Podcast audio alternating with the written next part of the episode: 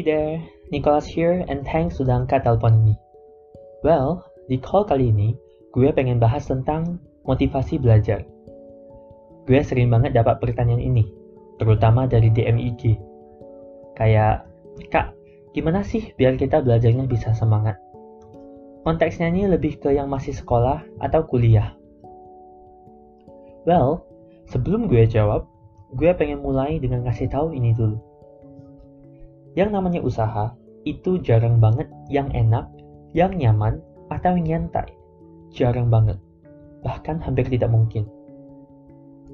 Yang namanya proses, sering banget itu perlu pengorbanan, perlu disiplin, dan perlu kesabaran. Gak ada yang instan.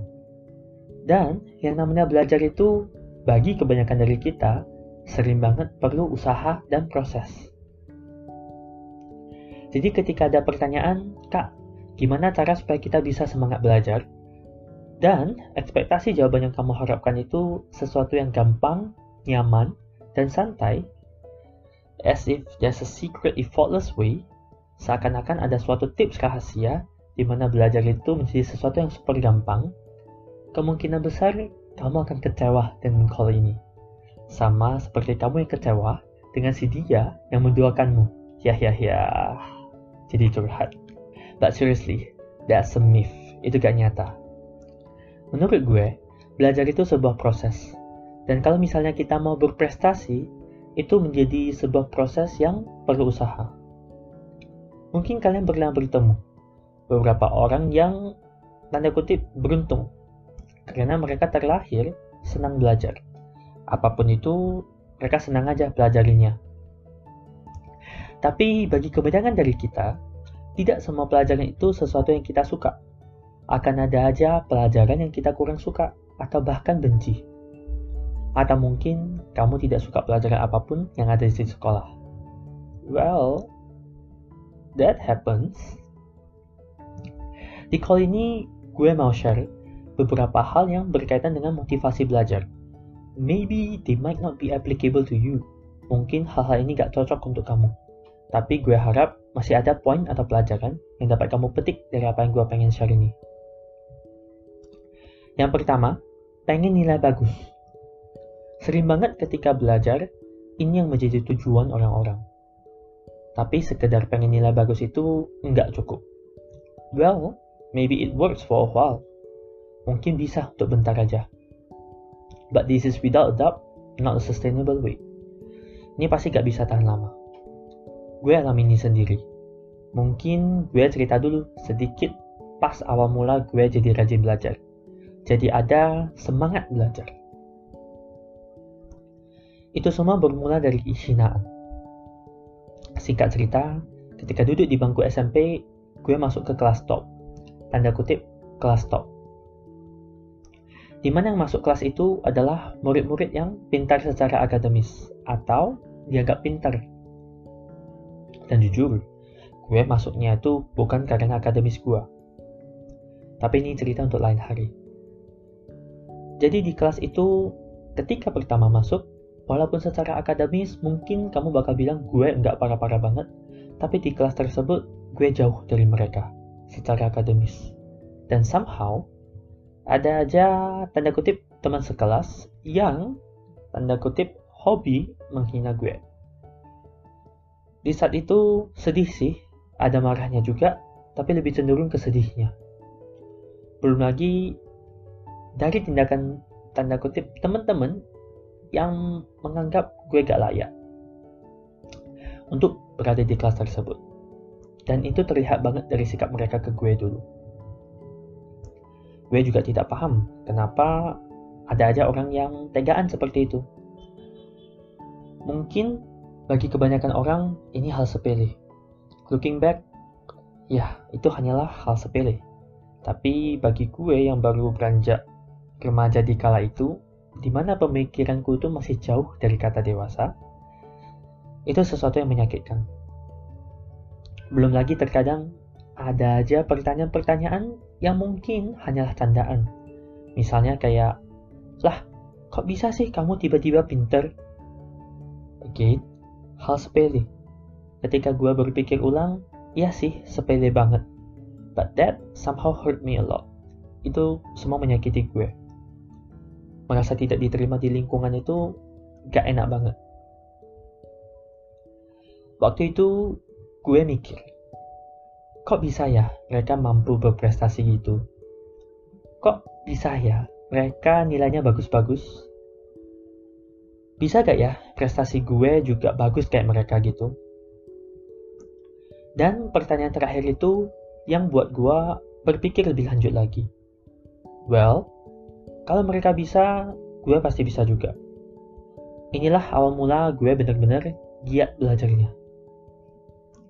Well, at this point, mungkin sebagian orang bakal mengira lanjutannya itu sudah langsung happy ending.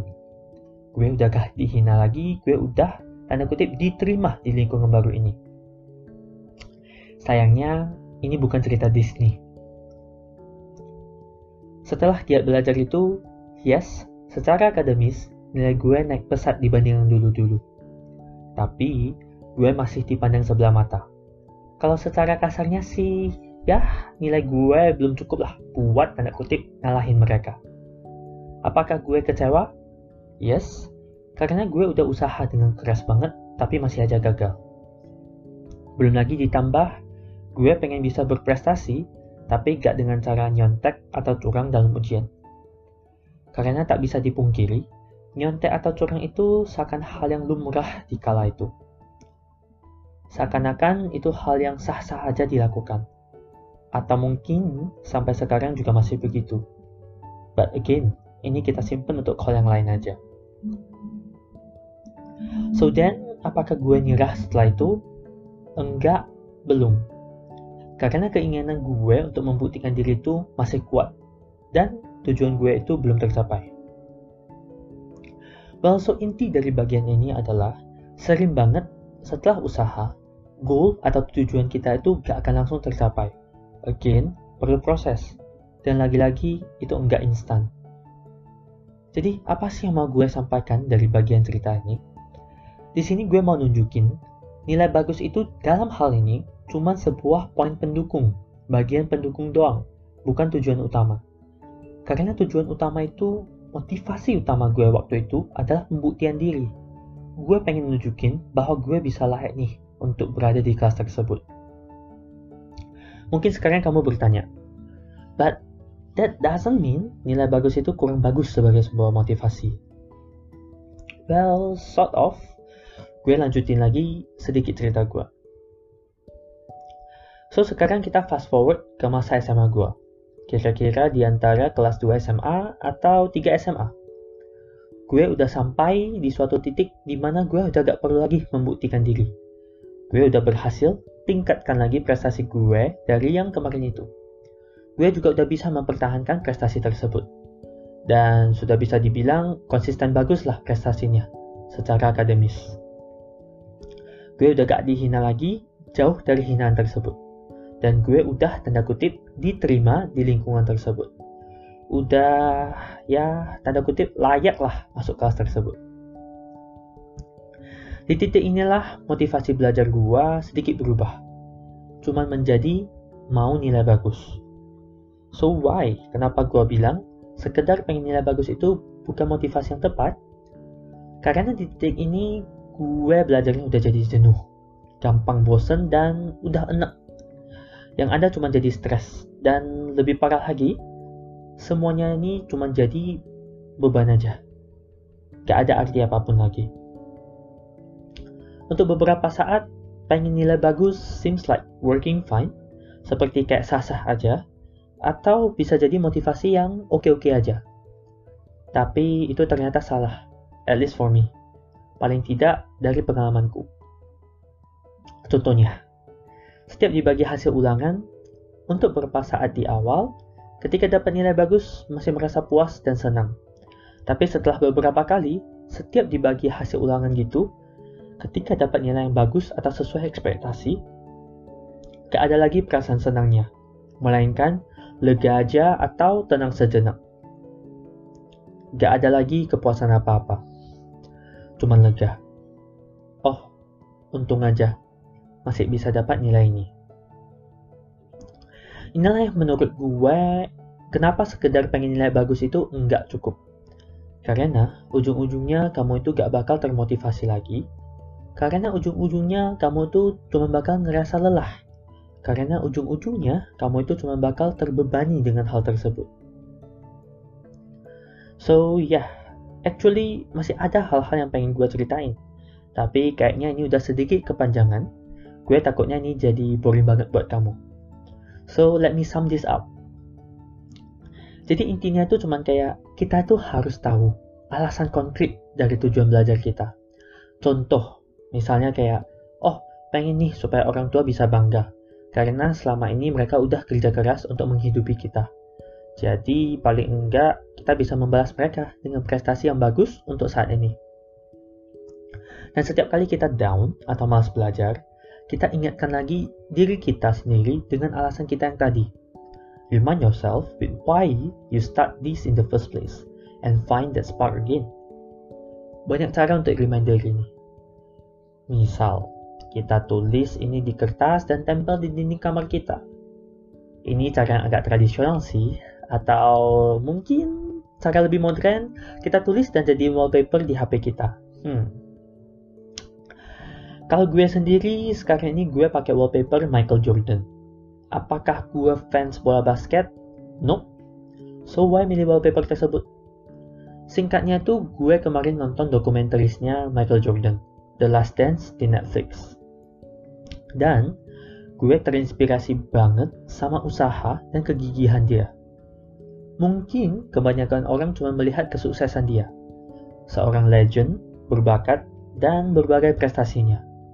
Tapi di balik semua itu, ada banyak kerja keras dan pengorbanan yang ia lakukan.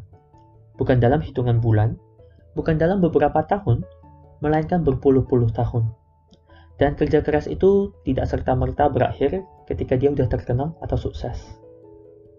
Again, yang mau gue tekankan di sini itu kerja keras dan kegigihan itu penting, gak ada yang instan. Malah sering banget ada hal yang harus kita korbankan. Misalnya nih, untuk konteks kita, kita gak bisa cuma habiskan waktu dengan main-main aja. Semakin tinggi impian atau target kita, tentu usaha yang diperlukan juga semakin tinggi. Mungkin ketika kita dengar cerita sukses orang-orang, semua itu terdengar enak dan seru. Seperti sebuah petualangan yang keren banget. Dan kamu termotivasi untuk langsung bergerak mengejar impianmu itu. Tapi percayalah, kemungkinan besar ketika menjalani proses tersebut, tidak ada keren-kerennya. Dan akan ada waktunya dalam perjalanan tersebut akan terasa berat, akan terasa melelahkan, atau bahkan hopeless, gak ada harapan. That's why gue bilang, kerja keras dan kegigihan itu sangat penting, termasuk juga konsistensi. Terutama ketika hal-hal terasa sulit dan melelahkan. Well, life isn't all sunshine and rainbows. Sebab itu, kadang perlu pengorbanan dari diri kita.